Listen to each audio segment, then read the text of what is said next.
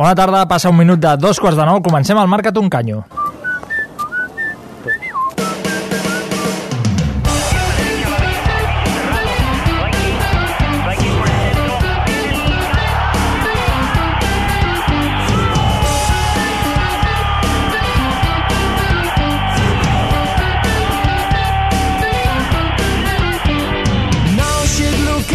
A Kultura FM, marca't un canyo. Każdy dźwiga siatkę piw i kwiatek dla żony. Komplet Participa al programa a través del Twitter a arroba marca't un canyo o a facebook.com barra marca't un canyo. pour Manuel Amoros, Amoros, Giresse, Giresse, Dominique Rousseau. Allez, Dominique, il faut centrer, Dominique Rousseau. Benvinguts un dilluns més a la Casa del Futbol de Cultura FM, dia en què fa un any que el Barça tocava el cel de la Champions a Berlín contra la Juventus, la cinquena Copa d'Europa de la història blaugrana arribava després d'una temporada espectacular. Un any després el Barça també ha fet un tros de temporada, per què no dir-ho, però la llàstima és aquest regust de boca que ens ha deixat la undècima del Madrid. En fi, què hi farem? Potser tot just d'aquí a 362 dies, i són 362 perquè la propera final de la Champions és a Cardiff el 3 de juny de 2017, estarem celebrant la sisena Champions del Barça. Us ho imagineu? z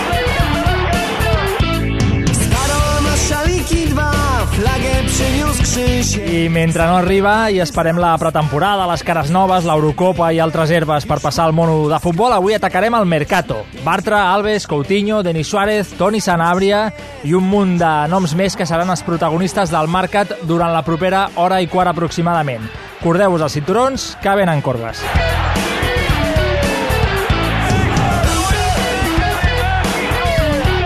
Molts d'aquests noms dels que parlarem avui deixen la defensa del Barça desguarnida i d'això va la pregunta del dia perquè volem jugar amb vosaltres. Aina Grau, bona nit. Bona nit. Què preguntem avui a les xarxes socials? Doncs amb la marxa d'Alves i Bartra ja confirmades, a qui fitxaríeu per la defensa? Volem noms avui, per tant, proposeu-nos defenses pel Barça. Ho podeu fer a Twitter, amb arroba marcatuncanyo, a facebook.com barra marcatuncanyo o al mail del programa marcatuncanyo arroba culturafm.com. Perfecte, al final del programa llegirem totes les vostres opinions i jugarem al Mercato de Defenses del Barça. I com sempre, a la redacció i a la producció, l'Aina Grau, l'Oriol Cortés i la Paula Carreras i els botons, el David Gutiérrez Guti, que ho està fent de collons i això que li hem posat unes dificultats al començar. I amb tot ben presentat, resumim el cap de setmana com ho fem sempre. Els highlights del cap de setmana. Más que va continuar en el Barcelona, jo ho tinc molt, molt clar, i, i Dani pues, ha, decidit, ha decidit marxar. Ja és oficial. El club acaba d'emetre un comunicat. Marc Bartra, traspassat al Borussia Dortmund, La última jornada de la segona divisió A, 41 partits després, Nàstic de Tarragona i Girona, dos dels tres catalans de la categoria, es juguen el seu futur. El Nàstic. Marca el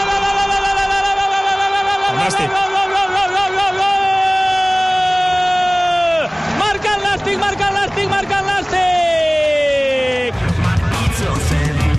Està gol de l'Alavés. Oh! Acaba de marcar amb una jugada de pilota aturada l'única manera que podia arribar al gol de l'Alavés. El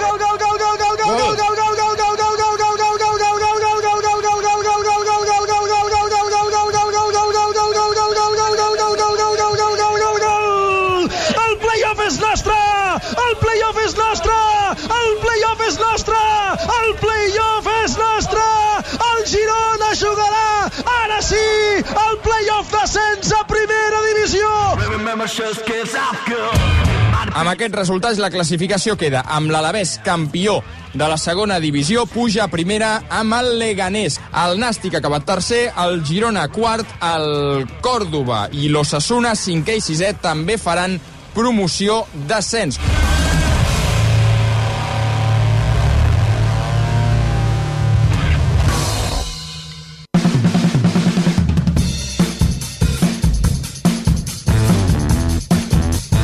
Futbol i més futbol, al Marca't un canyo. A Cultura FM. You didn't want to scratch, but then you got the itch. You only wanted but you got the witch. You know you always paying I ja tenim a la taula de l'estudi els tertulians d'aquest vespre amb el Marcos Castro al capdavant i redactor del portal babel.com i martiperarnau.com. Bona tarda, Marcos. Bona tarda.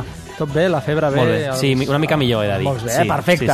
sí, No, no ens ho encomanis, hòstia. Que, No, espero que no. que, que això ve l'estiu ara i, hòstia, a veure si perdrem les vacances. Va, que és broma. El Víctor Rodrigo, periodista, redactor d'NBA Destiny, membre del programa de ràdio La Terrassa de Ràdio Vic. Bona tarda, Víctor. Molt bona tarda. I el Sergi Ambudio, que avui s'estrena, també periodista i company del Víctor, malauradament per ell, a la terrassa de Ràdio Vic. Bona tarda, Sergi. Bona tarda, avui. I benvinguts. Amb ells eh, pentinarem el mercat de fitxatges arreu d'Europa, centrant-nos, com no, en el Barça, passant també per Madrid i acabant amb noms sonats que han sortit els darrers dies. També tindrem temps de fer pronòstics de cara a l'Eurocopa, d'apostar qui pujarà a primera en aquest playoff apassionant que començarà en breu a la segona divisió i ho tancarem tot amb l'Euro 11 Best of the Season del Marcos Castro. Tot això i més fins a les 10 de la nit, aquí, a Cultura FM. La tertúlia del Marca't un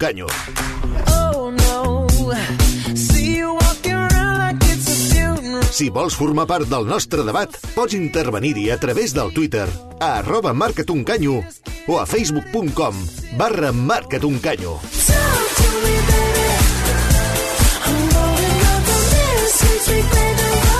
Dos quarts i mig de nou de la nit, ja ha començat la Copa Amèrica fa uns dies, en breu tenim Eurocopa, com no, apassionant també el final de la segona divisió, però abans de posar-nos a parlar tot això, avui comencem per la secció del Mercato de l'Aina Grau.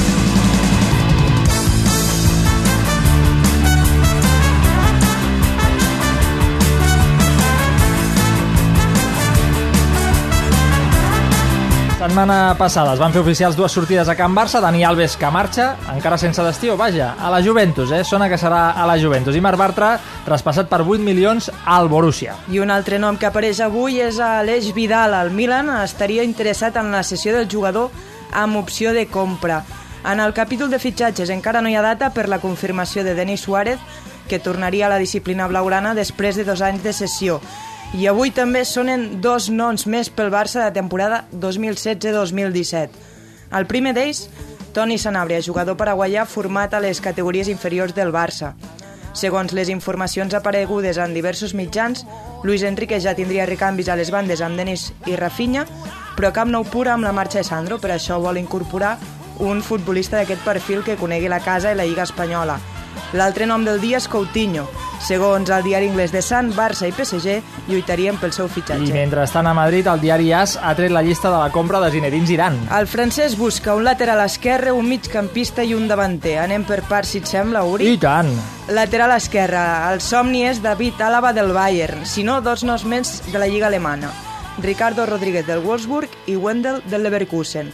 Al mig del camp, el principal objectiu és eh, el que vol mitja Europa, Paul Pogba, i com a pla B, no està gens malament del Madrid, hi ha Berratti, N'Golo Kanté i Kramer. I a la davantera, els blancs, que compten amb que Benzema continuarà, tampoc el volen fora, volen ni més ni menys que Lewandowski, tot i que des del club alemany ja han avisat que el jugador no marxarà. Aubameyang també seria del gust de Zidane i si no recomprarien Álvaro Morata o es reforçarien amb el filial. Sense sortides a la Casa Blanca, qui negocia ara la seva renovació és GC. No, digue-li tonto a Zidane amb la llista de la compra que té, saps? Eh, clar, així també vaig a comprar jo el súper mentre pagui un altre, mentre pagui Florentino. L'altre equip de la ciutat, pendent de Simeone. Avui ha parlat Enrique Cerezo, el president de l'Atlètic de Madrid, que ha enviat un missatge de tranquil·litat als aficionats matalassers dient que Simeone té 4 anys de contracte. Segons un portal francès, però, el PSG hauria fet una oferta astronòmica a, a l'argentí. Perquè fa el capítol d'entrades i sortides del club madrileny. Gaitán, del Benfica, serà el primer en arribar i altres noms que sonen per reforçar la davantera són Cavani, Diego Costa i Gonzalo No, Higuaín. aquests també, aquests també descobrint joves perles, joves valors. Uh, pel que fa a renovacions, el club espera tancar les de Fernando Torres, Griezmann i Gavi. I acabem amb què passa a la resta d'Europa. A Itàlia s'ha fet oficial el fitxatge de Verbanega per l'Inter. Touré té una oferta de la Xina de cara a la pròxima temporada. Ja vam comentar que en principi no entrava els plans de Pep Guardiola. El Manchester de Mourinho mostra interès per Gameiro. Álvaro Morata li van sortir nòvies a banda del Madrid. El Chelsea, l'Arsenal i el PSG sembla que també hi estarien interessats. El Leicester, pendent de les seves estrelles, segons informacions d'Anglaterra, Jamie Vardy estaria a prop de firmar amb l'Arsenal i no hi aniria sol, ja que també s'apunta a un possible interès Gunner per Marès. I per últim, demà Zlatan Ibrahimovic ha anunciat la que serà la seva pròxima destinació. Ah, estarem atents. Demà tots al Twitter enganxats. És Zlatan Ibrahimovic que revelarà com si fos una sèrie d'intriga i de suspens a on anirà la temporada que ve. Anava a dir demà, no, demà no. Demà el que aniràs al Twitter a tuitejar-ho. Merci, Aina. Fins ara. La notícia del cap de setmana, podríem dir que és aquesta marxa de Bartra al Dortmund per 8 milions d'euros, només 8 milions d'euros. Sorpresos, Marcos?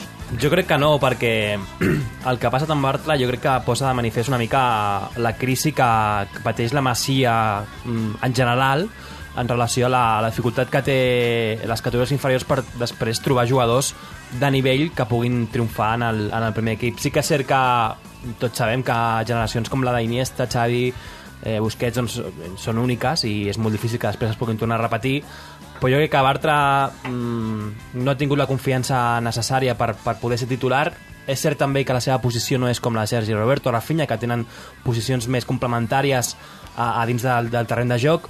El problema de Bartra és que Piqué i Mascherano han estat a un nivell, jo diria, excel·lent Garet, tot, durant totes les, les, les temporades. El problema també jo crec que, per l'altra part, és fitxar jugadors com Mathieu, Vermaelen, gastant molts diners i no, no donar aquesta confiança a Bartra. Eh, però també jo crec que hem de situar-nos a, a lo que és la planificació de la plantilla de Luis Enrique, és a dir, Bartra eh, és el tercer quart central de l'equip i bueno, doncs, mm, òbviament el jugador eh, s'ha cansat de que li puguin prometre cada temporada tenir minuts i que, i que al final no es tingui.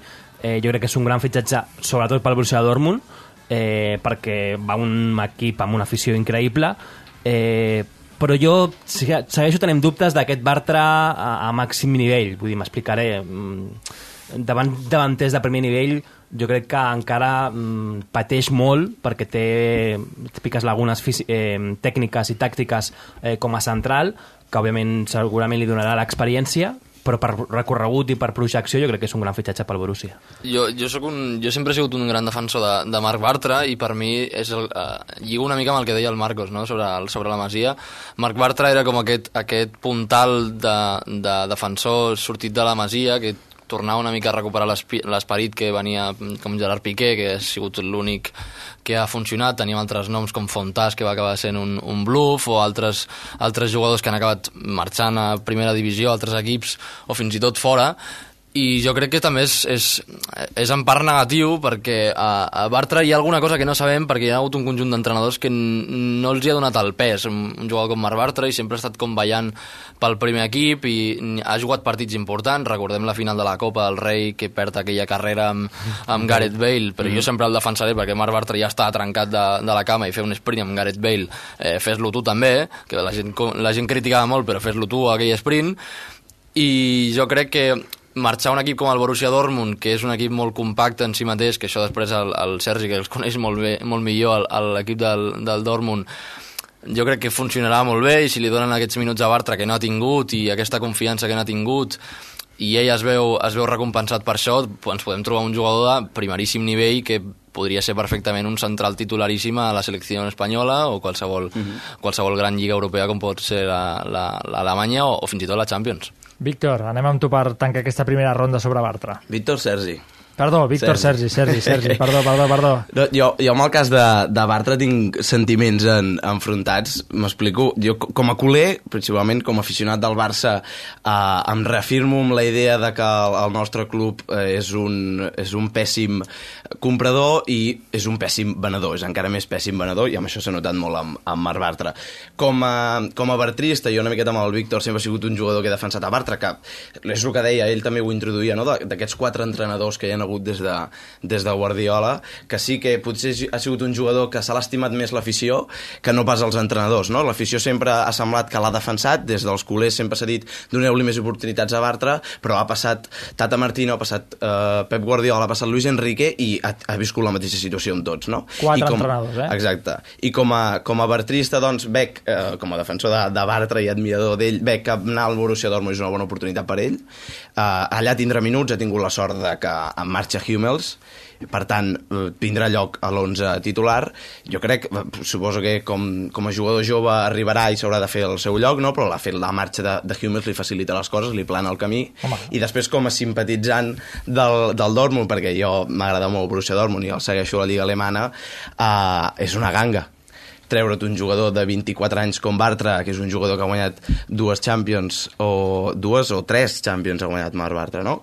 I, i el fitxes per 8 milions, un jugador amb tanta projecció, és una ganga, és una operació a nivell econòmic, eh, és gairebé perfecte. Parlant d'operacions, en Roger Saperes, company de rac ha tuitejat fa una estona, perquè ho ha explicat al primer toc, que el Barça té una opció de tanteig sobre Bartra si el Borussia Dortmund decideix vendre'l en el futur. Això Mhm. seria la primera notícia, perquè ahir no teníem tota aquesta informació. I la proposta del Barça-Bartra, també explica el Roger, era renovació, cessió i que al tornar li restessin dos anys més, o sigui, li quedessin dos anys més per, per poder jugar. Mm, Robert Fernández li va oferir el dia abans de parlar, suposo que, vull suposar pel que escriu en Roger que, que el jugador va declinar i va preferir marxar directament i fins aquí. Clar, sense Bartra, sense Alves, amb Mascherano que sí sí, que sí no, amb Vermaelen mig fora, amb Douglas amb un destí que sembla que tindrà forma de, de sessió i la pregunta és com ho reforça tot això el Barça ara? Mm. Sona Samuel Umtiti, no? És el nom que, que ha sonat aquests dies. Clar, però un Titi que mm -hmm. de Mhm. cop i volta surt d'alguna llàntia màgica, ni, Mhm. ningú sap on era aquest noi, òbviament la gent que l'ha vist jugar sí, al Lyon, però, però vaja, 20, 25 quilos, 20-25, unes preguntes si, si això sortirà bé, si sortirà rendible, si és el moment, si això resta el central famós i gros que s'ha de fitxar... estem parlant de- d'un perfil. Sí que és un jugador que per característiques lliga amb el Barça, perquè ha sortit el seu representant i gent aficionada a la Lliga Francesa que parla de que és un jugador que treu molt bé la pilota, però estàs parlant d'un jove eh, central amb projecció de futur, però aquest perfil ja el tenies amb Marc Bartra. I et treus Marc Bartra de sobre per 8 milions i ara vas a pescar a un jugador de l'Olimpíc de, de, de Lyon que encara no s'ha vist, no s'ha manegat amb els grans clubs. Eh, sí que poder ha defensat Zlatan Ibrahimovic, però parem de comptar perquè ha jugat a la Lliga Francesa i estàs disposat a pagar-ne 25, no? Aquí et genera aquest dubte de si tens un perfil a casa i te'l treus fora i ara el vas a buscar a França per gairebé quatre vegades eh, de diners, no? quatre però vegades més. Lluny de criminalitzar Marc Bartra, que Mhm. en cap cas, eh? Marc Bartra em sembla un futbolista bo, amb capacitats. És més, recordo el dia que es va estrenar amb Pep Guardiola fent de lateral al Calderón, no? era molt jove i crec que va fer inclús un barret, una cosa espectacular. Però, però si quatre entrenadors no l'han volgut, potser hi ha, hi ha una cosa més enllà del físic aquí, Mhm. més, més mental, perquè li ha passat per davant inclús eh, Song, que després en parlarem de l'ex-Song, però va arribar a fer de central quan Marc Bartra segurament estava a disposició, clar. Um, li desitjo el millor a Bartra al Dortmund, però aquí té un component psicològic a superar important. I el problema del Barça jo crec que també és trobar, trobar parella de Gerard Piqué. Jo eh, tinc la idea de que Mascherano continuarà i jo crec que és una molt bona notícia per l'equip, més que per l'equip, per, pel vestidor, per la- per l'ascendent que té sobre Messi, sobre l'experiència que ja té com a, com a futbolista. Però jo crec que al Barça li, li falta encara un central esquerrà per formar una parella de Piqué, un jugador jove, i em va sorprendre moltíssim l'altre dia, no sé si és una no sé si dir-li com una tàctica de cara a aquest mercat de fitxatges, del fet de que Robert no, no bueno, confirmés que per mi un dels millors laterals, com és Héctor Bellerín aquesta temporada, no entri als plans per poder jugar al lateral dret, ja que jo crec que un club com el Barça eh, va una mica curt si confia solament en Sergi Roberto i en Aleix Vidal com a lateral dret. Clar, però aquí, compte- aquí obrim un altre Mm. debat. Eh, un jugador que vas deixar marxar a cost zero i l'hauries de fitxar per 25 milions. Bellerín, dius? Sí. sí, sí, sí, correcte. Però perquè abans no podia... Suposo que a mi us passa com d'aquí, si fem aquesta tertúlia d'aquí a 3 anys, podem repetir, el, ho, canviem per, per Barta i pot passar igualment. O és Fàbregas, o amb Fàbregas o Piqué, o- Sí, però el problema és que Bellerín no tenia lloc i, òbviament, la, la projecció que sí que li ha donat Wenger a l'Arsenal està fent que sigui un dels millors laterals i que, i que òbviament, tingui, jo crec, que més nivell dels, dels, que- dels laterals que tenim ara. Una altra cosa és que, que el Barça tingui aquests diners per, per poder fitxar-lo, perquè estic d'acord amb mi, però és que, òbviament, ni, ni Douglas, ni els altres drets que tenim ara, ni Aleix, jo crec que poden complir amb una temporada tan exigent El, el, el cas de l'Eix Vidal és, és un cas que també gairebé que es podria obrir un cas a part, no? S'ha d'analitzar, va venir que va venir a, a substituir Alves i ha desaparegut.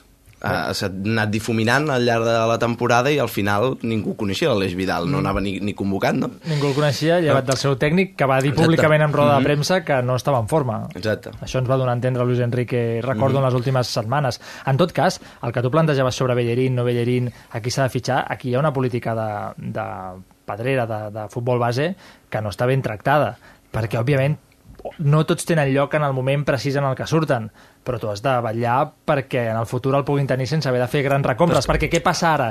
I no és una lectura avantatgista, tot i que podria semblar-ho, però ara mirem el planter. Què hi ha que en els propers anys pugui estar al primer equip? I això no es podia saber fa 3-4 anys quan Bellerín marxa? Jo crec que aquí algú no ha fet la seva feina. Al darrere de la marxa de Bartra, que és el que jo deia abans, està la crisi que es, de, la, de gestió que s'està fent de les categories inferiors en el Barça. Perquè jo he anat dos vegades comptades al mini les últimes dues temporades i fa por, l'equip fa por, i els entrenadors més perquè no veus cap marge de millora de cap jugador. És a dir, Sergi Samper, que sí que estava eh, com cridat a ser el substitut de Busquets o a tenir minuts, mm, segueix jugant a segona B. Vull dir, i el, sí que diuen que el, que el cadet o, que els, els coreans doncs, te poden tenir futur, però vull dir, mm, quan el, el Barça no pot competir a dia d'avui amb un Bayern, amb un Manchester City, perquè no, no, no poden fitxar a, a, a jugadors perquè no tenen diners. Llavors, si en, davant d'aquesta situació tu no tens diners, al final t'has d'anar a la masia, has d'intentar treure jugadors per després que tinguin minuts al primer equip i poder fer caixa millor del que s'ha fet ara. Per tant, és un tema que a mi em preocupa, com a culer em preocupa moltíssim, que, que aquesta gestió no, no millori. És que és indignant i no vull carregar-me el pobre Samuel Umtiti, però que hagis d'anar a gastar-te 25 quilos en un tipus de fitxatge així, podent haver gestionat millor el futbol base. Que quan vas fitxar Vidal, aquest perfil al final va triomfar, perquè, òbviament, el perfil de Vidal no estava al Macià i no, i no el tenim. És a dir, que a mi, si un Titi ja surt a la meitat que va sortir a Vidal, perfecte, però té risc. Té risc com ha passat amb Mathieu, o han passat amb Vermaelen, però són jugadors que després han demostrat que no tenen el nivell per jugar al Barça. A més, això, jo, des de quan fa que el, el Barça té aquesta crisi de, de la Masia, sumada a una crisi que, sobretot en el fitxatge de la defensa, és que ens poden sortir uns noms que en, ens posen els pèls com escàrpies. Per exemple, un, jugadors com Chigrinski, eh, Vermaelen, que arriba, i, eh, t'arriba Zubizarre- Zubizarreta i et diu està, està per jugar ara mateix i portem, que portem dos anys que no sabem ni on para aquest no, home i, i marxarà. I marxarà, i a més marxarà, després t'arriba un, un Douglas que no saps ni què, ni què està fent aquí i ell mateix deu saber, no deu saber ni què fa aquí i llavors, clar, és el que deia abans el, el Marcos, competir amb, amb equips com, com el Borussia o el Bayern, que a sobre tenen una bona gestió de fitxatges, que fins i tot se la juguen, perquè també buscar-li parella a Gerard Piqué, sí, però en el seu moment Gerard Piqué tampoc transmetia la confiança que transmet ara quan arriba al Barça, que se'l confia en ell, o al igual que quan va pujar Sergio Busquets, o si posem el cas de quan va pujar Pedro al primer equip. Són gent que no coneixíem com per, ser, com per dir que fossin jugadors de primer nivell com per guanyar una Champions. Mm -hmm. Jo crec que al Barça li falta aquest punt de, de, de creure's gran al moment de fitxatges, al igual que altres equips europeus que comencen a fitxar jugadors que, mm, que els hi donen una aposta i fas I a alguna més cosa tenint en compte que, i a més la que- gestió dels fitxatges i el Barça que li demanen vull dir, el Barça I a no, més no, això, no que el Barça- Sevilla. el- el Vull dir, Barça jo perquè crec que qualsevol el- jugador et demanen el doble perquè ets el Barça el Barça a sobre el, li prenen el pèl i ells a vegades se'l deixen prendre en el sentit de que, bueno, no tenim una bona gestió de, de la Masia, no ens surten jugadors bons com per pujar-los, vale, doncs anem a buscar fora i, el, i ja ho saben els altres equips europeus i què et passa? Com un cas com Laport 50 milions per, per un Laport Bueno, o l'Umtiti mateix, o l'Umtiti que mateix l'Olímpic de és Lyon que no... sembla que no vol baixar dels 25 I, i, milions. quan, i, i la pregunta és quan, quan acabarà això quan el Barça començarà a gestionar bé aquest tipus de problemes, I- perquè i en algun compte- moment se t'a- se t'acabarà la I tonteria jo amb, amb he dit Piqué. abans que partim de la idea de que Mascherano continuï, perquè si no, el També. problema és, és encara més greu. No, no, També, all, llavors és un desert. Eh, hi, ha, hi ha noms, però clar, a més, quins noms? Un Titi, ja l'hem dit, Marquinhos, Otamendi, Laporte, Bailly, que Le, so- Lemos, José Però Stones... Marquinhos quants, quants estius fa ja No, que no, diuen no. que suena Marquinhos? Però, però els posa sobre la taula perquè sí. és o coses desorbitades i, i en algun cas sobrevalorades, com ara Marquinhos, o coses que no... Que, bueno, a mi em costa de veure Lemos eh, amb tot el carinyo del món, No. però no sé aquest central uruguaià de les Palmes si té nivell Barça. Però a més, amb Marquinhos també, si vols apostar i vols anar a buscar aquest central top que ja està més o menys co- contrastat, no? Eh, T'ha sortit el PSG, que el PSG ha dit que no vol vendre, no? I si ha de vendre, vendrà molt car. I el Barça aquests diners no els té. I et trobes amb aquest problema que davant d'un mercat de fitxatges importantíssim, perquè t'està marxant, eh, t'ha marxat Bartra, t'ha marxat Alves, no saps qui més et marxarà, i aquesta, el Barça eh, ha de tenir una plantilla, ha de començar la temporada que ve amb una plantilla que li permeti to tornar a fer el triplet. El Barça té aquest problema que cada any has de començar amb una plantilla que aspiri tornar a guanyar la Champions. I tens el problema de que si no tens diners i has d'anar a buscar jugadors doncs, com un Titi, etc que podés... Que, clar, nosaltres parlem una miqueta ara des de la desconeixença, perquè jo no l'he vist jugar a un Titi, però que tens el risc de eh, pagar 25 milions d'euros i que després no, no, no surti bé, no? Voleu que juguem juguem el mateix que li hem proposat a la gent a casa que jugui, molt ràpidament, ho preguntàvem, eh? ho deia abans, a banda d'un Titi, que ja n'hem parlat una estona, a qui fitxaríeu per la defensa? Va, si, si tinguéssiu cartera, si, si poguéssiu posar noms, a qui, a qui posaríeu amb aquesta defensa del Barça que a data d'avui, si la cosa es torcés, seria un solar. Va, Marcos, Víctor, tu mateix. Clar, va. jo és que no, no, no sabria qui, a qui dir-te, perquè jo et puc dir qui, qui em fitxaria jo ara mateix, que és un tio com Jerome Boateng, però evidentment no, no hi ha... No hi ha M'esperava moltes respostes, però Jerome Boateng no era una d'aquestes. Jo el fitxava, a mi perfils així recordes Les de- cares a la taula han estat un quadre. Sí, Sí, Messi famós. Sí, Sí, però és que això Messi li pot fer a Boateng li pot fer a qualsevol. Però També no cau al terra tan ràpid com, com Boateng, no sé. Sí, no, no, però jo, a mi m'ha... M'ha sorprès, m'ha sorprès, perquè hi ha molts Però ja ens entenem, però... clar, evidentment, sí. Clar, sí, sobte que el primer nom que posi sobre la taula sigui No, Jerome però a mi m'agraden perfils, perfils com, com, pues, com, com diré jo, com Boateng o com Benatia, o fins i tot ens podem anar a un perfil com, com Hummels. A mi jugadors així m'agraden. Sí, sí, no, i Ho has arreglat, sí, va. Sí, Hummels- Hummels i Benatia, sí, sí. tot, sí, tot i que Benatia també ha fet una temporadeta que, Bueno, sí, que deixa la Però Benatia a la Roma va fer un gran any. Sí, sí. Això, això és cert. Marcos, les teves propostes... Les meves Marquinhos, però... No, és que vull veig que com has has dit- uns ulls com taronges amb no, les no, perquè propostes és que m'ha vingut la jugada de. Messi, del, del Bayern, de l'àrea, dic, però hòstia, no- no- i no els memes que van això. fer quan es va caure allà, i bueno, en fi. Em, no, jo Marquinhos i Bellerín. Tinc clar. Marquinhos Bellerín. Mm. Sergi. Jo vaig a la, a la línia de, del Marcos i jo sóc molt de, de Marquinhos també. Uh, però jo, la meva principal aposta és centrar-nos en Marciano i que Marciano es quedi dos anys més mínim. Hem de tenir en compte que el Marciano és el central que més partits ha jugat i que més minuts ha jugat aquesta temporada.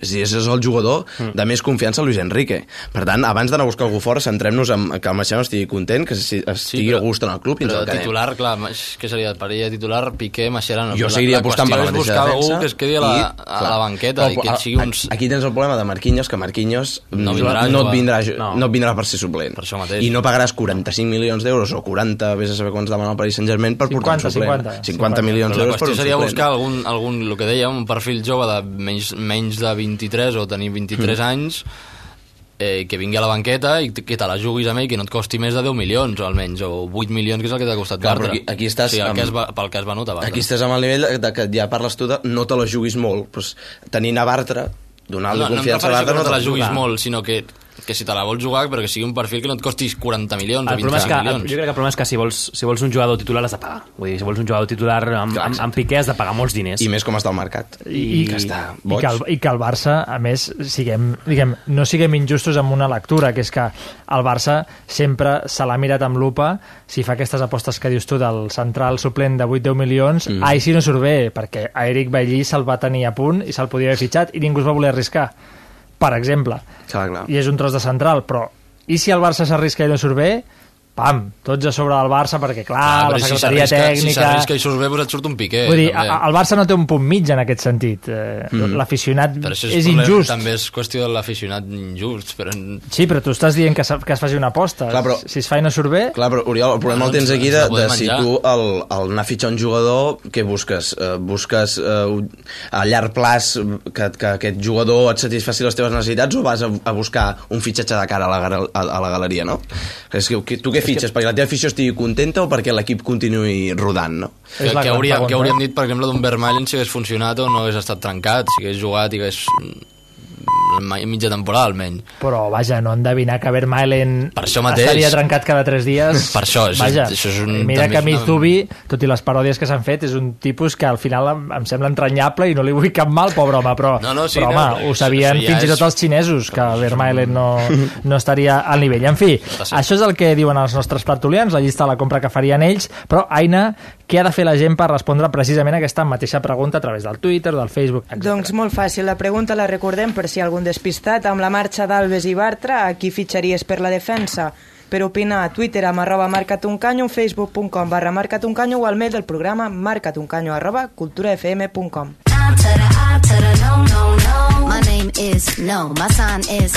Esteu escoltant el Marca't un canyo a Cultura FM. My name is no. My sign is no. My number is no.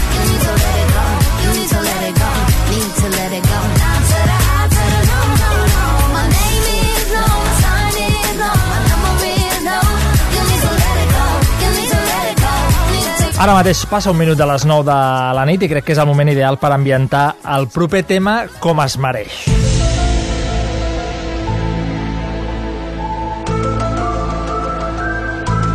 Us preguntareu eh, per què? Per què aquesta música? Expedient X? Doncs perquè el West Ham envia de retorn al Barça a Alex Song, fins ara s'ha dit a l'equip londinenc.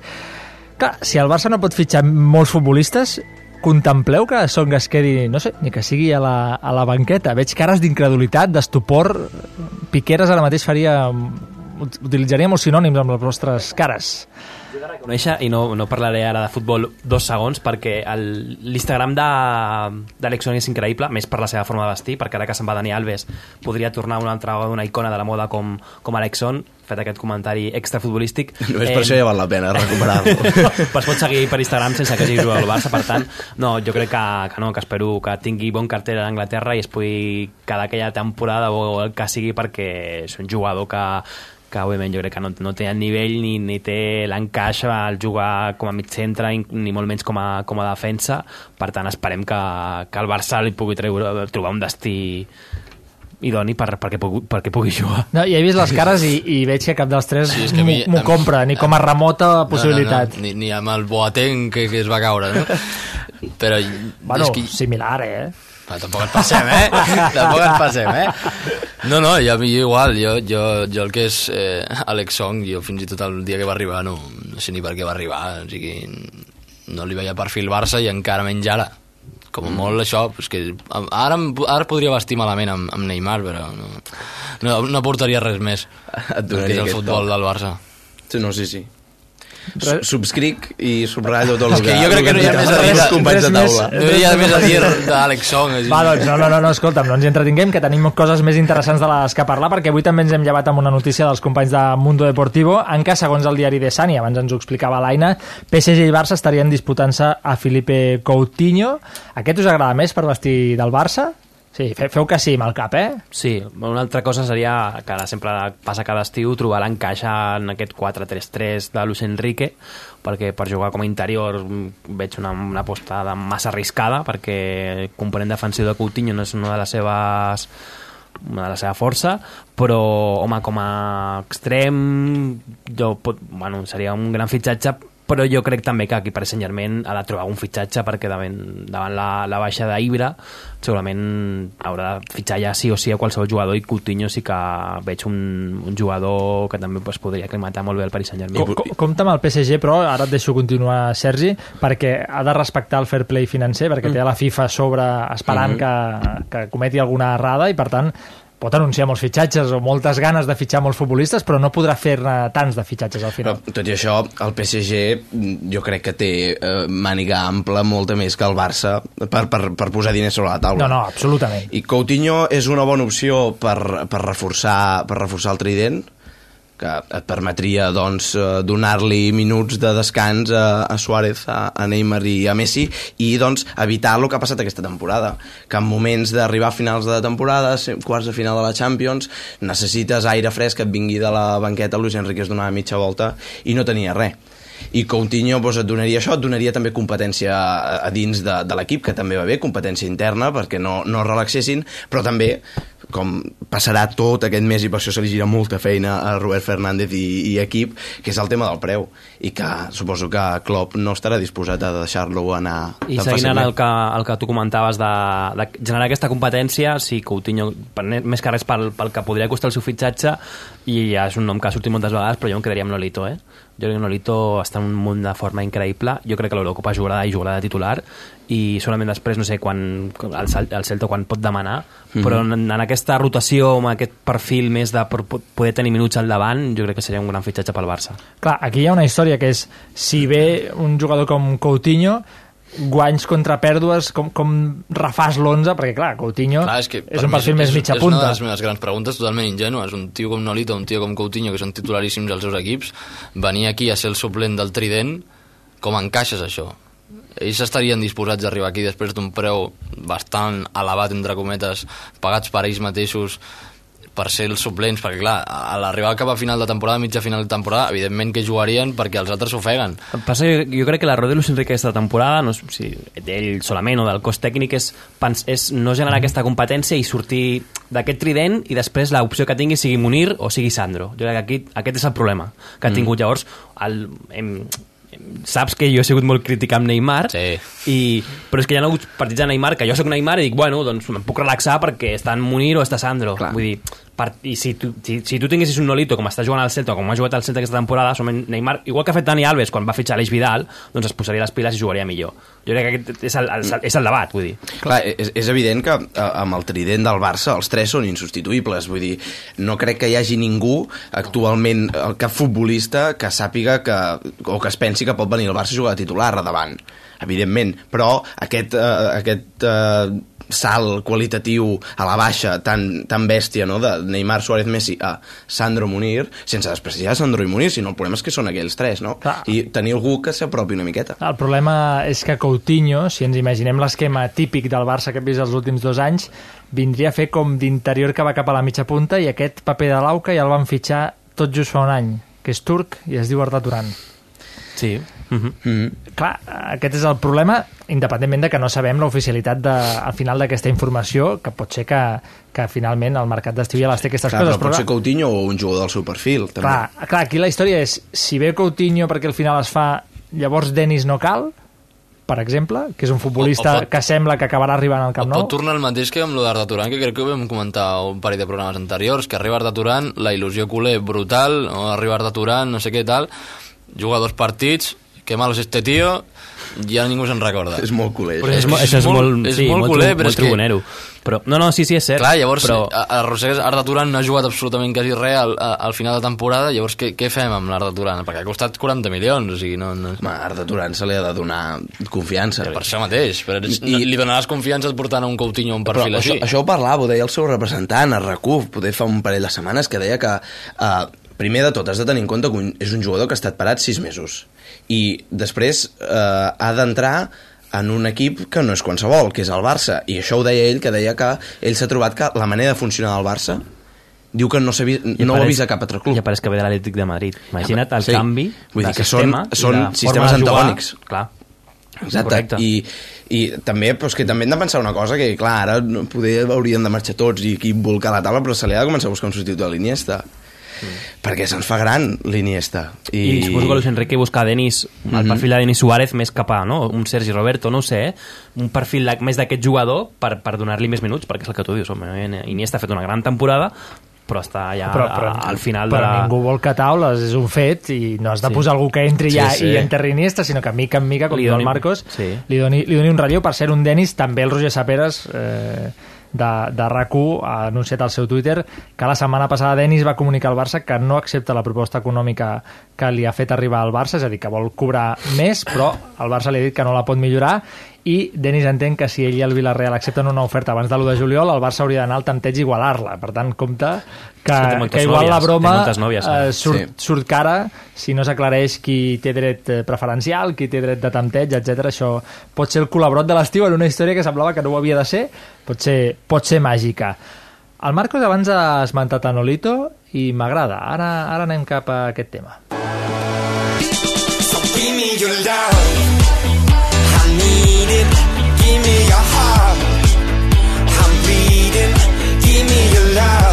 El futbol no s'atura, al Marca't un canyo. Cada dilluns a Cultura FM.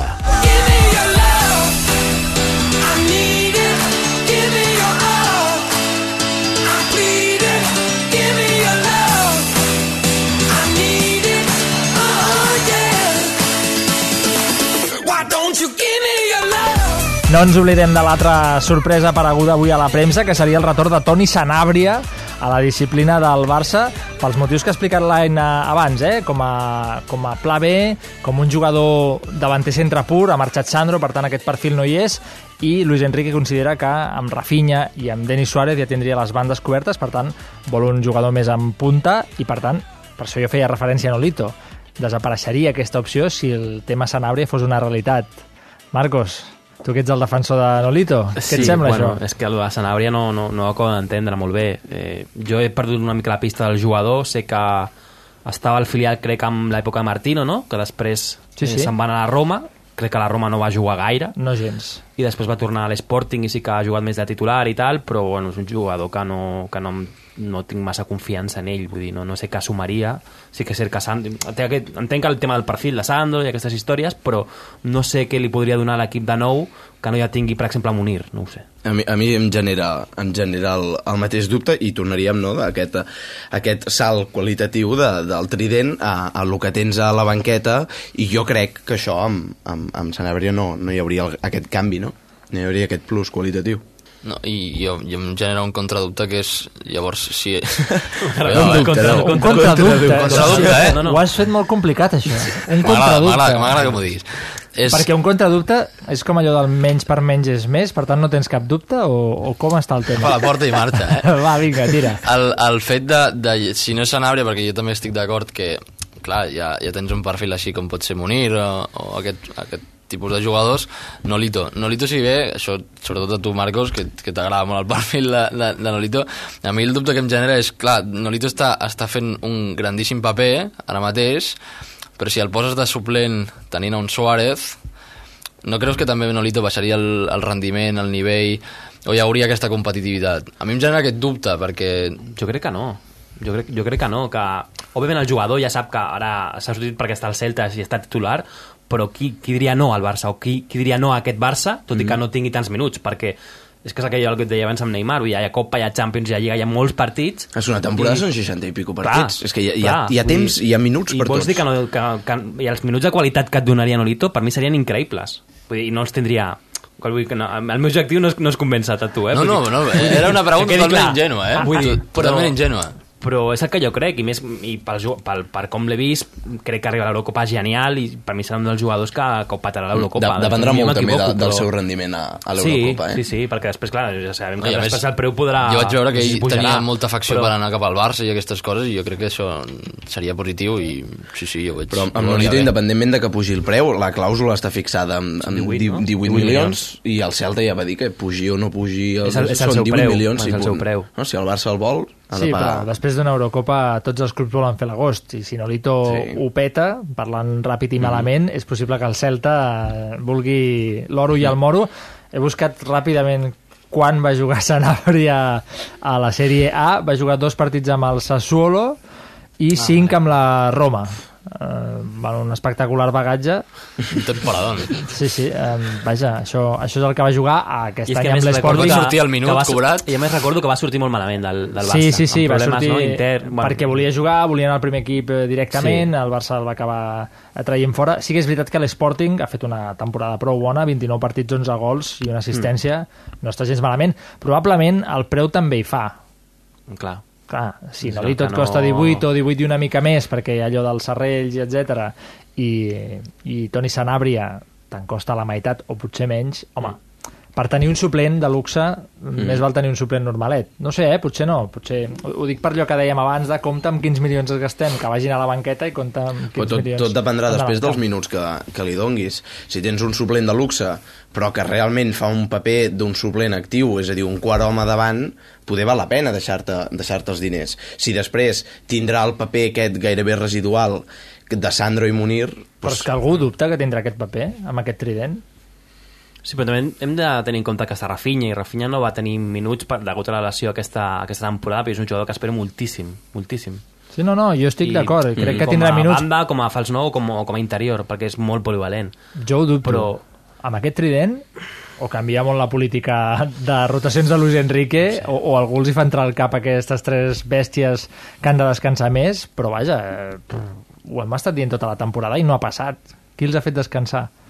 Clar, després et trobes amb això, no? Que anaven, que no, no, no sabien ni com es deien jugant contra l'Atlètic de Madrid, el Calderón, i que hi trobes que hagut la davallada aquesta física, que sempre hi és, perquè una temporada és el que dèiem, és tan llarga que sempre hi ha una davallada física, l'únic que passa és que en comptes de tenir-la al gener, febrer o al desembre, aquest any l'hem tingut en el moment clau, que és quan no pots tenir una davallada física. I aquí entra el tema de, de la gestió, que poder sí que ha sigut problema de Luis Enrique, o... Sí, de repartir minuts, perquè uh, començàvem el programa amb, amb, amb aquest dia no, de, de Berlín i de la consecució de la Champions, però l'equip va, va arribar finíssim en aquell, en aquell mes i en canvi aquest any no. Jo crec que és un problema de repartir bé les cargues i, de, i de repartir més minuts de joc entre els jugadors de la plantilla. I independentment de que els tres de dalt ningú els hi pugui dir res, però és que qui ha de poder-los dir alguna cosa, si només hi ha una persona en el món que els pugui dir alguna cosa, aquest és Luis Enrique. Perquè per molts galons que tinguin, per molt que mani Messi, per molt que mani Neymar i Suárez, el Luis Enrique és l'entrenador. I si ha de rotar, ha de rotar. Perquè si no, passa, pues passa el que acaba passant, no? Clarament, clarament. Agafem el pont aeri, marxem a Madrid perquè a la Casa Blanca alerta que el Madrid també té feineta en aquest mercat de fitxatges. D'entrada li tornen 11 cedits que ha de recol·locar. Agafeu paper i boli, només us en diré uns quants. Asensio, Cherisev, Diego Llorente, Mascarell, Burgui, Coentrao i Lucas Silva són els noms més destacats. Alguns ni us, ni us en recordàveu d'ells, eh? Però a banda d'això, abans l'Aina ens ha llegit la llista de la compra del senyor Zidane, no està gens malament, David Àlava del Bayern, òbviament Lewandowski, Ricardo Rodríguez del Wolfsburg, Wendel del Leverkusen, que ara resulta que tothom vol a Wendel del Leverkusen, és una altra cosa divertida, i Berratti, Kanté i Kramer, eh? per si no vingués Pogba, és una altra llisteta que fa patxoca. Vaja, un, un estiu mogudet, eh, al Madrid? Sí, però jo suposo que, que passa mm, no, durant aquest estiu i qualsevol estiu de, de noms que surten, no? perquè deies ara Kanté no? com a mig centre, però ja tens Casemiro que ha fet una grandíssima temporada Sí, però volen, I- volen un suplent de Casemiro. Això sí que ho han anunciat per Bueno, activa va, i per passiva. L'última Sí. setmana totes les portades de Madrid són se busca suplente de Clar, Casemiro. però a lateral esquerra dius, vale, volen un suplent de garanties per Marcelo, com en Marcelo titularíssim també la, la temporada vinent, però haurà de ser més un perfil de Ricardo o un jugador més jove que no ell. Lo de Lewandowski jo sí que té, té molts números de fer-se, jo crec, eh? Tot i que el Bayern sempre és posa moltes dificultats, però jo crec que el jugador, una vegada ja s'ha anat Guardiola, pot veure amb ulls poder, poder jugar a la Lliga i, i tenir una mica més de competència perquè sí que és cert que Benzema ha marcat moltíssims gols aquesta temporada però crec que ha estat un nivell inferior que, que Benzema i que Cristiano i a mi m'agradarà saber què passa amb Morata. Jo, a mi m'encanta Morata. Avui jugador- sortien informacions de que Morata té molts punts d'anar a la Premier, però que el Madrid eh, primer el vol repescar, és que jo crec que el, el, el valor, jo crec que pagaran molta pasta per Morata. Jo crec que pagaran 60 i 70 milions per Morata si parlàvem de que Denis Suárez tenia moltes nòvies, Morata en té més. O sigui, Morata, la llista de clubs que sembla que li van a darrere és Sí. enorme, vull dir que té per... I a més que la Juve no ha tingut el, pro- el proto... Mira, com ha passat amb Bartra solament, no ha tingut els minuts de joc que, que jo crec que li tocava, però ha marcat gols importantíssims. Me recordo la jugada que va fer al, al camp del Valle de Múnich, crec que va ser. Sí. Increïble, és un jugador amb, una, amb una projecció i el Madrid òbviament, si ja deia l'any abans que GC renovarà i que no, no tindrà minuts, eh, es- s'ha parlat de l'Arsenal i té un cartell a la Premier que qualsevol equip el pot fitxar. En tot cas, Coentrao està en aquesta llista de futbolistes que s'ha de desfer el Madrid i el Barça, i el, i el Barça busca laterals. No sé si, si interessa aquesta opció. Bueno, Un tio- un tio amb Coentrao. Coentrao. Sí, el Malboriños. Bueno, Malboriños. tabac no en faltarà al vestuari, vestidor. Per tant, això ho tindríem. Però si el primer que entrava que es matava amb els jugadors del Barça. O sigui, ara com va entrar al vestuari, hola...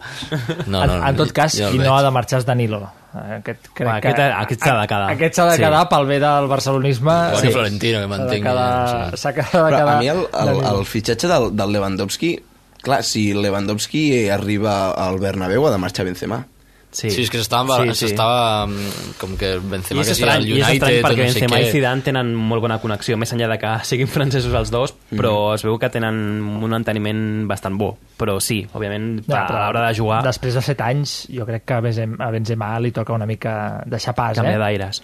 Bueno, no, no És tant que, per ell que bé. també, sinó per, perquè tu al final saps com juga un futbolista de, gairebé de memòria si l'has vist 7 anys jugant aquí. Mhm. Lewandowski de cop i volta t'aporta uns registres que el Madrid no té. No, no té.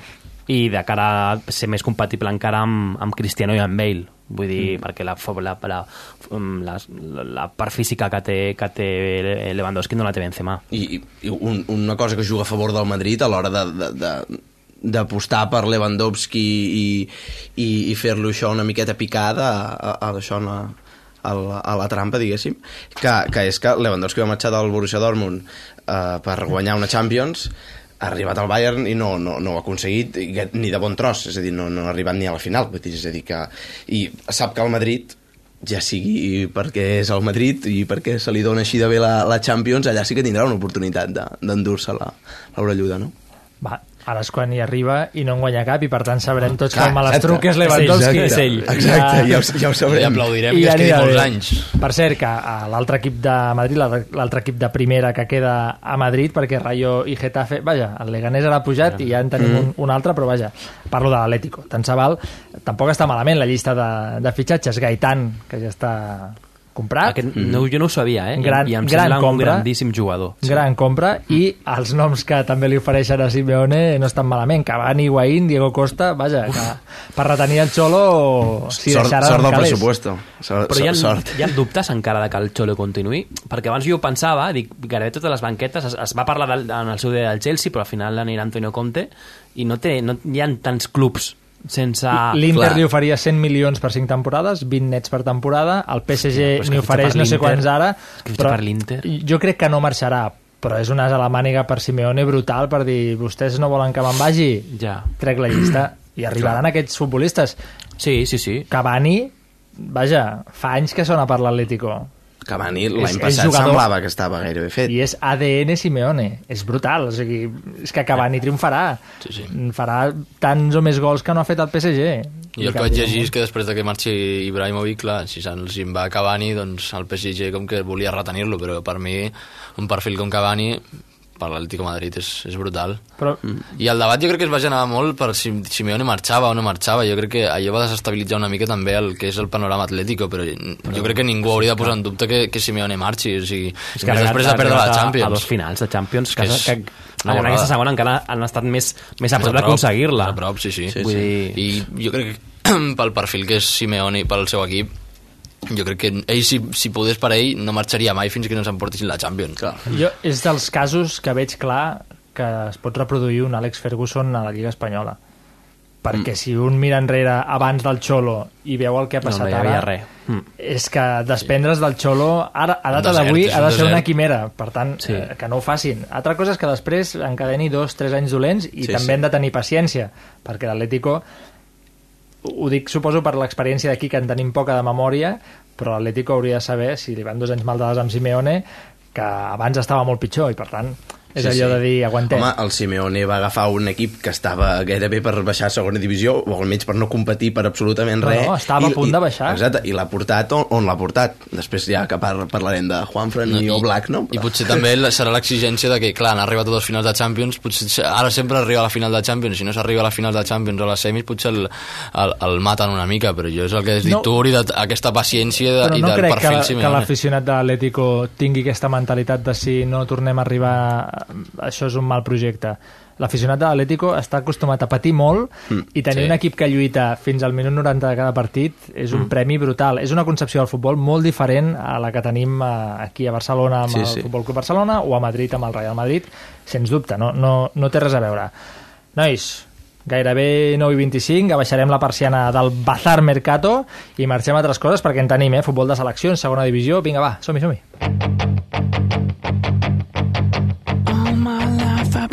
Hello, Slava Milic is here, West Ham manager. To all the listeners of Markat, can you all the best and take care.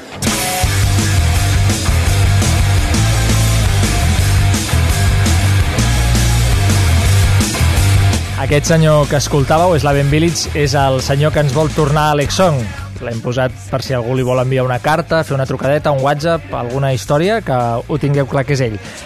Som-hi, ho dèiem abans, no hi ha futbol de clubs, però ja tenim en marxa la Copa Amèrica del Centenari i en res l'Eurocopa de Futbol. En el cas del futbol que ens queda més a prop, l'europeu, difícil pensar que Iniesta i companyia puguin revalidar una Eurocopa per tercera vegada. Jo és que no la veig, jo, jo t'ho prometo, eh? No, no veig aquest, aquesta plantilla de la, de la Roja com per, per superar grans equips com pot ser Alemanya o fins i tot Bèlgica. I és que jo, de veritat, eh? O sigui, no, no, no, no crec que tothom s'esperi que, que la selecció arribi a la final. Seria un regalíssim que arribessin a les semifinals, però jo no, jo no Aviam, ho veig. o sigui, la selecció espanyola no és la que intimidava el món com a Sud-àfrica, però la selecció espanyola segueix, tenir, segueix sent la selecció espanyola i és un projecte pel que han apostat i continua havent-hi la columna vertebral i és, sí que ha marxat Xavi però hi continuen sent la, la resta, no? Piqué, Ramos, Busquets eh, Iniesta no? Sí. Sí, sí, no, és, és, és que estava pensant justament això, que a més, jo crec que també de la, les Eurocopes i, les, i aquests tipus de competicions van molt en, en relació a com arriben els, els jugadors, no? Mhm. I és el que tu deies ara, Sergi. Ramos i Piqué arriben bastant bé, molt bé. I Iniesta a la final de Copa, increïble. Eh, sí que és cert que jo en aquesta selecció li trobo una mica falta de gol, quan teníem, tenien Torres, Torres i Villa. Eh, Però sí sembla que cert- això poder Maduriz ho pot recuperar. Sí, Maduriz, eh, Nolito. Morata, Nolito, sí, però, home, al mig del camp és increïble. Hi ha poques seleccions millor, som en Alemanya, però està fora, Sa- Sa- Isco i Saúl Ñíguez s'han quedat fora d'aquesta selecció. Mm. Clar, Vull dir, a, a, nivell de Vull dir mig que del si, camp si, és, és si, els teus, alt. si els teus descartes són Saúl i Isco. i, i Isco, clar, tenint en compte Tenint que... en compte els que entren també, alguns, com Fàbregas, eh? Sí, però sí, que és, sí que és cert que Isco ha tingut els minuts que ha tingut aquesta temporada i que Saúl ha fet el boom al final, però que, ten, que tu descartis dos jugadors d'aquest nivell és que et va bé la vida, diguéssim. No? Jo crec que el futbol de seleccions és molt... Ho dic per, la, per lo de Fàbregas, que s'està rient l'Uri, però, però no, és veritat, perquè del, eh, del Bosque, òbviament confia en Fàbregas i Pedro, no per el que han fet al Chelsea, que res, o, o millor Fàbregas una mica més que Pedro, sinó per el que li dona a la selecció. Vull dir, Clar. és, és veritat. O quan portava el viol. No, Ara, per exemple, i, perquè de cop i volta no pots renovar i no tenir ningú amb experiència en aquestes competicions. Tu has de dur gent I Fàbregas sempre ha rendit molt bé i és un, és un gran jugador. Una altra cosa Sí, és que sí, el no Barça que no. fracàs, un fracàs absolut i el Chelsea no, no ha jugat bé. I en el però... moment de tirar un penal necessites a Fàbregas, necessites a Pedro. No, no, no ho dic de debò. Els No, necessites moments perquè han tingut de- experiència, han tingut tantes de Correcte. penals. Que Recordo que Fàbregas no? va marcar penals importants en, en tornejos Mhm. d'aquest tipus. Per tant, jo, jo entenc el que diu el Marcos en aquest sentit. Òbviament, no són els millors jugadors en quant a rendiment, probablement, però tu com a seleccionador has de fer una tria amb veterania i joventut. Si ho ha fies fet, tota ha fet una bona joventut- tria, perquè inclús eh, Bartra ningú se l'esperava perquè el Viola al Nàpols ha jugat inclús més minuts i millor Sí, que. Bartra al Barça. Del Bosque sempre ha sigut un entrenador que ha confiat Sí. molt en Bartra. Sí, sí, sí, i, I... I, i, i possible que tinguin en Ramos i Piquet seran titulars, però en qualsevol moment la posició que ell té després d'aquests dos és, és Bartra. Clar, fe- fem-ho al revés. Quines seleccions són favorites? Quines poden substituir a Espanya com Sí, a aquest, campiones aquest any d'Europa? jo crec que és una de les Eurocopes, no sé si ha passat gaires vegades a la història, on no hi ha cap favorit extremadament clar, perquè tens Alemanya, que és l'actual campiona del món, tens França, França. tens eh, Anglaterra, que l'última Eurocopa es va quedar fora i aquest any, l'última, sí l'última Eurocopa es va quedar fora, aquest any té bon equip eh, ten, I gent molt jove, gent molt jove, tens, això tens un projecte jove tens, Mm. i, i un projecte jove que a més es recolza amb l'esquena de jugadors com Rooney és a dir, que és un projecte que està compensat i Sí. que davant a la teva referència d'atac són els davanters titulars del campió i del subcampió d'Anglaterra com són Harry Kane i, Vardy. i Jamie Vardy tens, i a més també tens Espanya, que no se la pot descartar. Tens Bèlgica, que sempre s'ha dit que té molt bon equip i que tard o d'hora, possiblement, ha, ha, A veure, a ha, veure. ha, Ja de- li toca, ja li ha de toca. posar allò les seves credencials sobre la taula. és a dir, que clar, tens 5-6 seleccions I que... tens la típica Itàlia, que sempre Itàlia, que ningú sempre hi és, aposta per ella sempre i acaba és. arribant, eh, bueno, sense anar més Es lluny. poden casar, quedar a la fase de grups La, o... la última Eurocopa d'Espanya Sí. va arribar a Ah. Itàlia i A- ningú a- donava un dur A la per final Itàlia. sí que li van fotre 4, Sí, no, però- però, a a- si veus, allà la, hi era, no? si veus la llista d'Itàlia, vull dir, fa por, eh? Perquè al davant... Fa por o dir, pena? Te'n, rec- eh?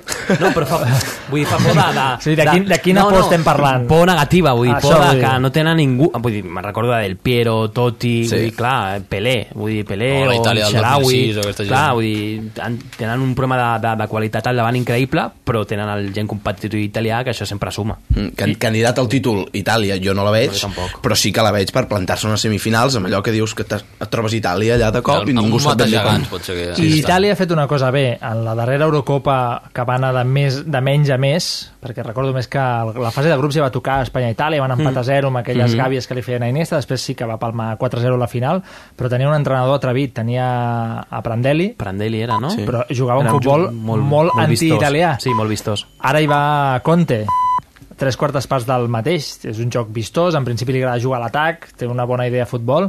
Per tant, compta amb Itàlia, que Mm. sempre està allà durant pel sac. Que I, i han apostat per aquesta línia que, que és la manera, si tu apostes per una línia segueix-la mantenint, perquè no, no pots anar de que a cada Eurocopa i a cada Mundial vagis canviant el teu sistema de joc per molt que vagin passant diferents entrenadors i amb això és el que parlàvem d'Espanya que sí, que no, no és aquesta selecció espanyola imponent de les dues Eurocopes i del Mundial, però sí que és aquella Espanya que es manté amb la seva columna vertebral i que amb aquest sistema i que no la pots descartar mai Espanya Mai. No la pots descartar mai. Víctor, ja veurem què passa. Comença el dia 10, això. Però ha, ha quedat clar que el Víctor, el, el favorit de Víctor és Bèlgica. Sí. Sí. sí, sí. Home, és que ja li toca. Té un equipàs. Té un Sí, equipàs, El problema és que és molt El jove. problema és que la defensa ju- jugarà Vermaelen. Imagina't. Sí, no, clar, no, no, no. és, cert, és igual, Company com està deia lesionat i jugarà si et Vermaelen. marquen 3 però gols, després- fot'ls i 4, però és igual. és igual. En això, en això és cert, jo ara no hi havia caigut, però té raó el Marcos. No Sí. tenia Company, és un... I està Vermaelen perquè no tenen res més, perquè el hàndicap. Verdeir ell Sí, sí. juga de lateral, vull dir, tenen històries... al- Però Mhm. bueno, com, com, com a talent, a mig del canvi al, al davant, increïble. Però bueno, que, que, que sigui recompensat amb una semifinal, mínim. Però és el mateix talent que tenia l'últim Mundial i sí. Bèlgica no. Però no. un moment, Víctor, s'ho han de guanyar. Res Sí, de sí, no, recompensat. perfectament. No, fotem. Al final Sí. les seleccions s'ho guanyen. Evidentment, però jo no, jo no deia recompensa que els, hi, els hi fotin la, la catifa vermella, sinó que Bueno, s'ho guanyin. vull dir que però tenen, tenir- tenen equip per guanyar-s'ho. Ja és una cosa de la defensa, el que t'he dit. El de Cruyff, et marquen 3, fot'ls i 4. Jo sí que és d'apostar, per això aposto per, per Alemanya. És que, és que al final, a més, una Eurocopa et dona molta més competitivitat que no pas una Copa Amèrica, amb tots els respectes ho dic, que s'està jugant ara, que tu veus els partits jugats des de divendres a la matinada fins ara i no saps ben bé qui guanyarà. És com un drama, perquè no, no, no hi ha favorits. No pots apostar, vull dir, si no perdràs tots els diners. No. O te la jugues tot i guanyes una Sí, pasta perquè que el flipa. partit d'ahir era aquest Jamaica... No recordo el Jamaica, rival, però- Venezuela, o em sembla, no? Sí, Jamaica, Venezuela. Sí. No sé, aviam, a mi m'agrada molt el futbol, però... Sí, sí, a aquests nivells ja Tampoc no. és quart euros tot, no? Però entre poc i massa. Estic d'acord amb el Víctor, encara que soni elitista, però entre poc i massa. Estem, estem d'acord. Va, uh, anem a parlar de futbolistes interessants, però en aquest cas fora del context del mercat de fitxatges, perquè la darrera secció de l'Euro 11 del Marcos Castro aquí present serà un resum amb els millors 11 jugadors de l'any, a tota Europa. L'Euro 11, amb Marcos Castro.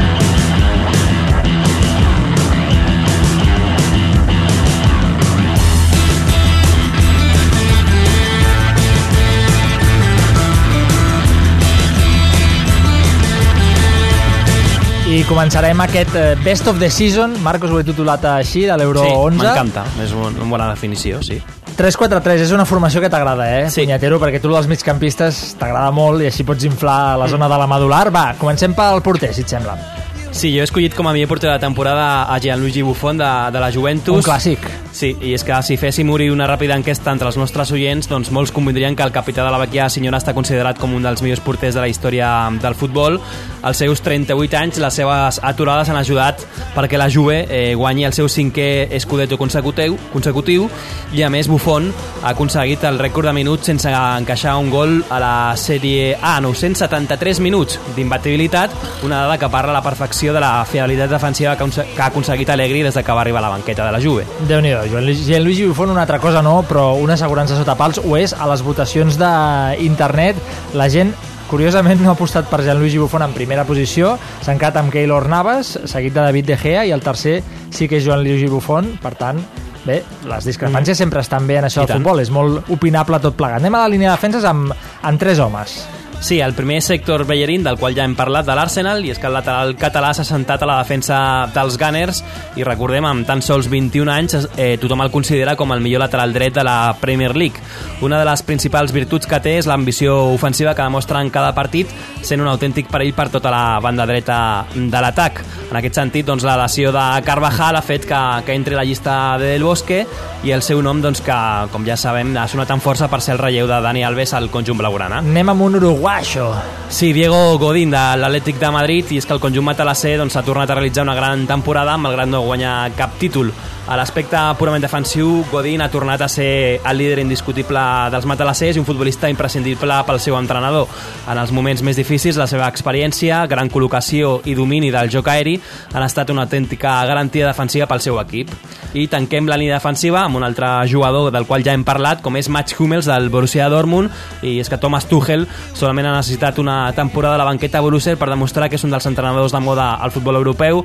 De la seva mà, molts jugadors de la plantilla han tornat a rendir a nivell esperat, entre ells Hummels. El central alemany ha fet un curs molt regular que li ha valgut perquè precisament el Bayern doncs, pagui 35 milions d'euros pel seu fitxatge, refor- reforçant així la línia més dèbil del campió alemany. I fixeu-vos que el Borussia, ben car, però compra baratet. Bartra, 8 milions, ha arribat Rode aquesta Sí, mateixa avui. tarda, Mm. també per un preu no molt elevat, per tant, Déu-n'hi-do, Tuchel és un tio amb vista, eh? No, i a més, el, el Borussia Dortmund és d'aquests clubs que es diuen els clubs venedors, no? Sí. Són els que fitxen a preu de, de cost, mm. exacte, i després venen, o, o venen o li treuen, perquè això se'n parla molt allà a Dortmund, de que ve el Bayern i Entre s'endú i tot el que... I tot el que tenen. Sort en tenen del, del pobre Marco Reus, que ell continua fidel. Vaja, és que quan ve el Bayern crec que les portes de, Clar. de l'estadi del Borussia s'obren sense que ningú sàpiga Passi, com. passi, passi, passi. Passi amb, amb la bitlletera i vagin fent. En fi, anem a revisar què ha opinat la gent a les xarxes, a les votacions. Héctor Bellerín, majoria claparadora, molts, molts vots, el 77%, seguit de Diego Godín, de Mats Hummels i Felipe Luis empatats i en quarta posició Toby Alderweireld si més no em sobta que, que aparegui en quarta posició el futbolista belga del que abans parlava el Marcos que disputarà aquesta Eurocopa amb la selecció de Bèlgica. De Bèlgica. Va, Marcos, anem pel mig del camp. Quatre homes, eh? Ben farcidet, Sí. això. El primer del campió de la Premier, Riyad Mahrez, i és que sense cap tipus de dubte el campió de la Premier doncs, ha estat l'autèntic protagonista de la temporada del futbol europeu. La seva fortalesa ja coneguda recau en el grup, però individualitats com Mahrez han estat clau en, en aquest gran èxit. El migcampista algerià ha realitzat un curs espectacular on ha sumat, atenció, 17 gols i 11 assistències, però més enllà d'aquests números el seu joc ha tingut un impacte directe a la competició on ha demostrat, crec, ser un dels futbolistes amb més qualitat tècnica i desequilibri del futbol anglès. Aquí et, et, et demano una aturada breu d'un minut perquè avui sentíem com l'Aina ens explicava la part del Mercato que potser es desmantella aquest Leicester, Bardi, Marez creieu que serà així o, o aguantaran? És que té molts números, té molts números que, que jugadors tan importants i que ara han tingut aquest ressò que abans no tenien, doncs ja sigui per fitxa o per poder eh, estar en altres equips que puguin tenir més, més jugar a la Champions, per exemple, tot i que el Leicester també la jugarà, però ten- tenir una mica més, més d'èxit i més de recorregut doncs, que, que, puguin mar que puguin marxar altres equips. Però jo entendria que s'anessin poder a, a, a l'equip d'un altre país, no? que te'n vagis, te'n vagis a Alemanya, te'n vagis a Espanya, però és que te'n vas a l'Arsenal. Tampoc estem parlant d'un del sí que és, el, el, clar, tothom coneix l'Arsenal, però no és un dels grans clubs de la L'Arsenal seria el Premier pupes de la Premier. Exacte. Sí o no? Seria el... I, i, I vas a la, una banqueta entrada per Wenger, que és un home que no ha aixecat cap títol important. Jo, jo, amb Prou important a la seva carrera. jo amb això estic amb el Sergi, a més, la Premier la jugaràs, com dius tu, Marcos, però en principi, a més, el teu club ha rebut molts ingressos, per tant, apreta aquí Ah. i busca un sou millor, no? Sí. Vaja, crec jo, quina pressa en marxar ara cap al United, cap a l'Arsenal, cap al Chelsea, que I una mica el Leicester, a més, jugaràs la Champions i, i, i que pot ser mínimament atractiu per certs jugadors anar ara a jugar al Leicester, perquè pot ser un, pot ser un projecte maco. i molt incòmode per molts equips grans anar al King Power Stadium. Clar, exacte. Per tant, no, Sí. no serà fàcil i compta que el Leicester no estigui al bombo de vuitens, òbviament hauran de lluitar, però no és un Mm. camp còmode i guanyar a casa per un equip a la Champions a la fase de grups sempre és important. Va, anem amb un conegut, eh? amb Paul Pogba. Sí, Paul Pogba de la Juventus, eh, malgrat que la temporada del crack francès ha anat de, més, de menys a més, la seva categoria ha fet que en els partits importants, tant a la Champions com a la Sèrie A, hagi rendit al nivell que tothom espera d'ell. A 23 anys, l'Eurocopa ja eh, la- li arriba en un moment idoni perquè llueixi tots els recursos futbolístics que, que disposa i sigui, jo crec que líder indiscutible de la selecció anfitriona. Anem amb un altre francès al mig del camp. Sí, també del, del Leicester, N'Golo Kanté. I és que si abans parlàvem que Marez ha, ha portat aquesta màgia i virtuosisme als Foxis, Kanté ha donat l'equilibri necessari per qualsevol equip que, que vol guanyar títols. Tan desconegut com el seu company, almenys a, a inici de temporada, el francès s'ha multiplicat en tasques defensives formant una parella realment infranquejable amb el, al mig del camp amb Daniel Drinkwater. La seva gran temporada una passada desapercebuda per Didier Deschamps i atenció perquè té moltes possibilitats de ser titular en l'estrena de, de França davant Romania a l'Eurocopa. I acabem amb un migcampista pel que començaré fent reverències i Sí. tu remates dient el nom. Perfecte, és Douglas Costa del Bayern de Múnich i és que Pep Guardiola en aquest episodi a Múnich s'havia d'enfrontar a molts reptes des de, des de la seva arribada, jo crec que un d'ells era eh, precisament suplir les baixes per lesions de dos futbolistes eh, fonamentals com Fran Ribéry i Arjen Robben. I el campió alemany jo crec que ha encertat plenament a l'hora de fitxar a l'extrem brasiler. I tot i que el seu rendiment ha anat a, a menys des de que va començar aquest curs, la seva velocitat i els regats, per mi és un, és un jugador que en l'1 Brutal. contra 1 és increïble. Eh, per banda esquerra doncs s'han meravellat a la- a l'afició a l'afició bavaresa aquesta temporada. Anem a veure què dit la gent a internet. Les votacions han posat a Riyad Mahrez com el número 1 d'aquesta llista de migcampista, seguit d'Engolo Kanté, el que fa guanyar una Sí. lliga al Leicester, no? una Premier League. Paul Pogba en tercera posició. Després tenim un triple empat aquí amb Dimitri Payet, Douglas Costa... Algú ha posat alguna altra opció que ara llegirem i l'últim ha estat Enric Mkhitaryan. Espereu un moment, que això a l'internet avui va molt, molt lent. Les altres opcions que han posat, alerta, eh? Marcos ha agafat fort. Iniesta, Saúl Ñíguez, Drinkwater i algú que ha posat Iniesta tres cops seguits. Bueno, és algú que és molt fan d'Iniesta. Molt remarcat, I ens ho ha? Que després de la final de Copa. i ens ho ha fet saber. Va, rematem-ho amb la davantera, Marcos. Sí, tres davanters. El primer, Gonzalo Higuaín del Napoli. El davanter argentí recordarà per sempre la temporada 2015-2016, ja que ha estat coronat com a màxim golejador del futbol italià amb un total de 36 dianes, atenció, en 35 partits jugats, per tant, més d'un gol per partit, superant així el rècord que tenia el suec eh, Gunnar Nordahl amb 35 gols a la temporada 1940-1950 amb el Milan.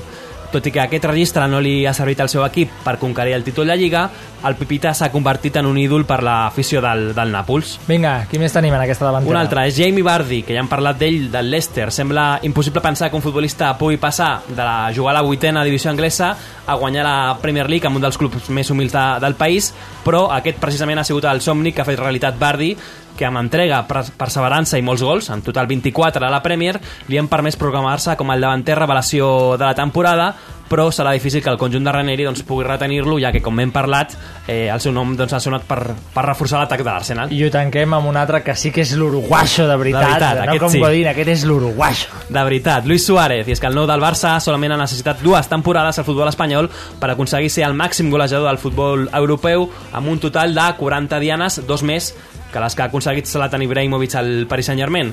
La temporada de l'Uruguaià ha estat espectacular, especialment els últims mesos de competició, mesos d'abril, maig, jo crec, i els que, que els seus gols han estat clau perquè el Barça revalidés el títol de Lliga i parlant sobre, sobre Suárez Uri, jo crec que un dels factors d'aquest èxit també ha estat la, la seva excel·lent connexió amb Leo Messi i l'encàs que, que ha tingut el propi Suárez a, a, a l'esquema de Luis Enrique. I l'entrega, i marcar gols, i donar assistències, I no parar, ja, tu. màxim No parar, assistent. no és parar, que no només és el Sí, sí. màxim golejador, és el el màxim assistent. Com posa el cul, aquesta és, mà? és, és, Molt bé, ha sigut, ha sigut una gran definició del que, de com juga Suárez. Sí, sí, i el millor exemple és el gol aquell que fa a, a, a Ipurua contra l'Eibar. És veritat, que és, de com protegeix la pum, pilota, no? pum, Sembla un pivot de caben bàsquet. dos defenses per allà i pum, gol. Bé, Víctor, ho has, ho has tancat molt bé, això, eh? Ara, Gràcies. ara t'he de dir que has anat de menys a més, com molts Gràcies, com molts jugadors que surten aquí. Sí, senyor. Gràcies. Uh, la gent, la gent a, a la nostra enquesta ha votat en primer lloc a Luis Suárez, òbviament, a més aclaparador, no hi ha discussió.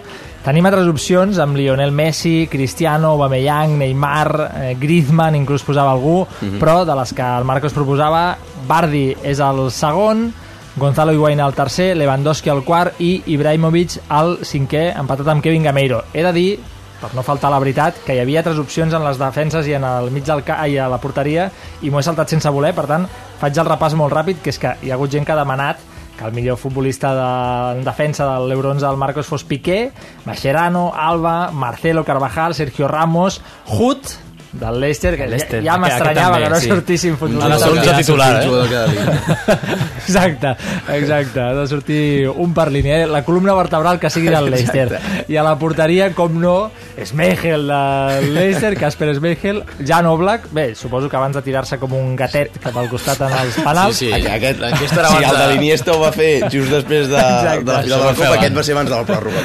Sergio Rico del Sevilla també ha fet una molt bona temporada i Oblak, bé, a partir d'aquí hi ha 500 persones que han votat a Oblak i n'hi ha un que m'ha fet molta gràcia que ho escriu O apòstrof Black, com si fos un nom compost americà d'aquests de jugador NBA. Però Black de negre. Sí, sí, sí, en plan eh, molt níger, saps? Això de, de, de, Però de Black- callejero, Sí, saps? sí. Però amb CK, eh? Sí, sí, sí, ha passat d'eslové a, A ser níger. a ser níger Chicago, eh? en un, Chicago en un moment. Ostres, mare de Déu. Marcos, molt bé aquest Euro 11 Best of the Season. Un Gràcies plaer. una temporada més per aquesta secció. I mira, ja ho estic firmant ara. Renovem per la temporada Perfecte. que ve. Et sembla bé? Sí, i tant. Va, doncs, som-hi. La firma de...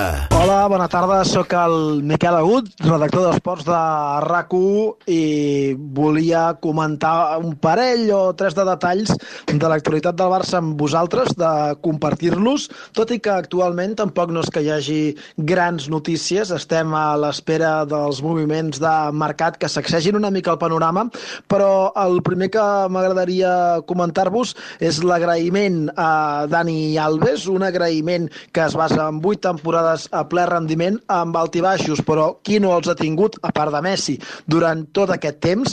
És un jugador que ha millorat el que havíem vist com a laterals, no només al Barça, sinó a qualsevol altre lloc, i que, a més a més, ha estat d'una professionalitat màxima a la seva manera, perquè és algú que s'exposa molt a les xarxes socials, però això en si mateix no és dolent. Pot ser discutible, però en si mateix no és dolent. I si al camp rendeixes, després pots fer el que et vingui de gust en la teva vida privada. La pots mantenir en l'anonimat o la pots fer pública com ha fet ell. Però no em sembla pas malament si rendeix com ha rendit. Des del meu punt de vista, el Barça ha d'estar agraït a Alves i permetre-li la marxa a la Juventus com ha acabat fent, perquè Alves ha exercit una clàusula que tenia el contracte, però el club també havia de tenir una mica de amb ell, tenint en compte tot el que ha donat durant tot aquest temps. I a més, si Alves creu que l'etapa ja s'ha acabat, doncs el millor és buscar algun jugador que tingui les piles carregades i que tingui ganes de començar una nova etapa, en aquest cas al Barça. I pel que fa a Bartra, l'únic que m'amoïna i m'empipa és que estem parlant d'un jugador que tenia una clàusula determinada i que per haver disputat menys partits dels que estipulava el contracte ara ha marxat per només 8 milions d'euros. No crec que ningú n'hagués pagat una quantitat desorbitada, però probablement si se l'hagués fet jugar un pèl més, només un pèl més, hauríem aconseguit vendre Bartra per un preu probablement millor, sensiblement millor que l'actual. Dit això, hem parlat de la defensa del Barça un altre dia, ja parlarem, si us ve de gust, de qualsevol altra línia de l'equip. Una abraçada per tots, Oriol Canyo, Oriol Túnel, Oriol Sotana, marca't un canyo quan vulguis.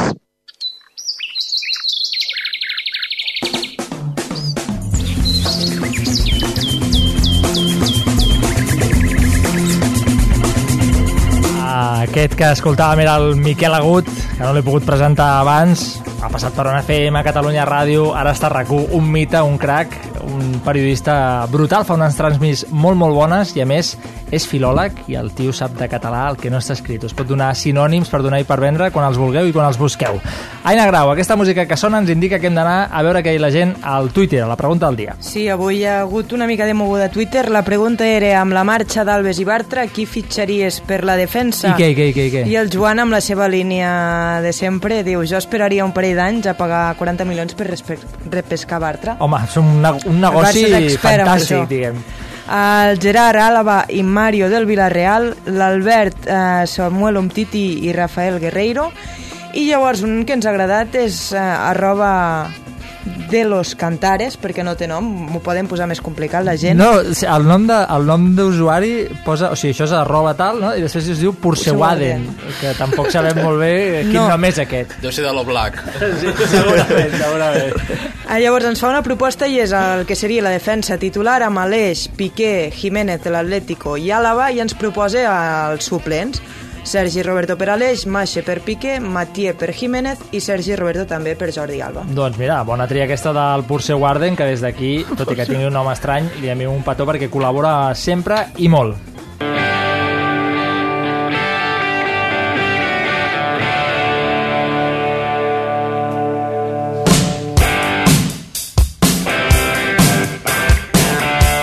Acabem aquest trentè marcat un canyo de la temporada, tornem la setmana que ve, mateix horari, a dos quarts de nou del vespre, mateix Jacinto, mateixes ganes de futbol, mateix, mateix tècnic, mateix equip de redacció, mateix tot i mateix tio pesat al micròfon.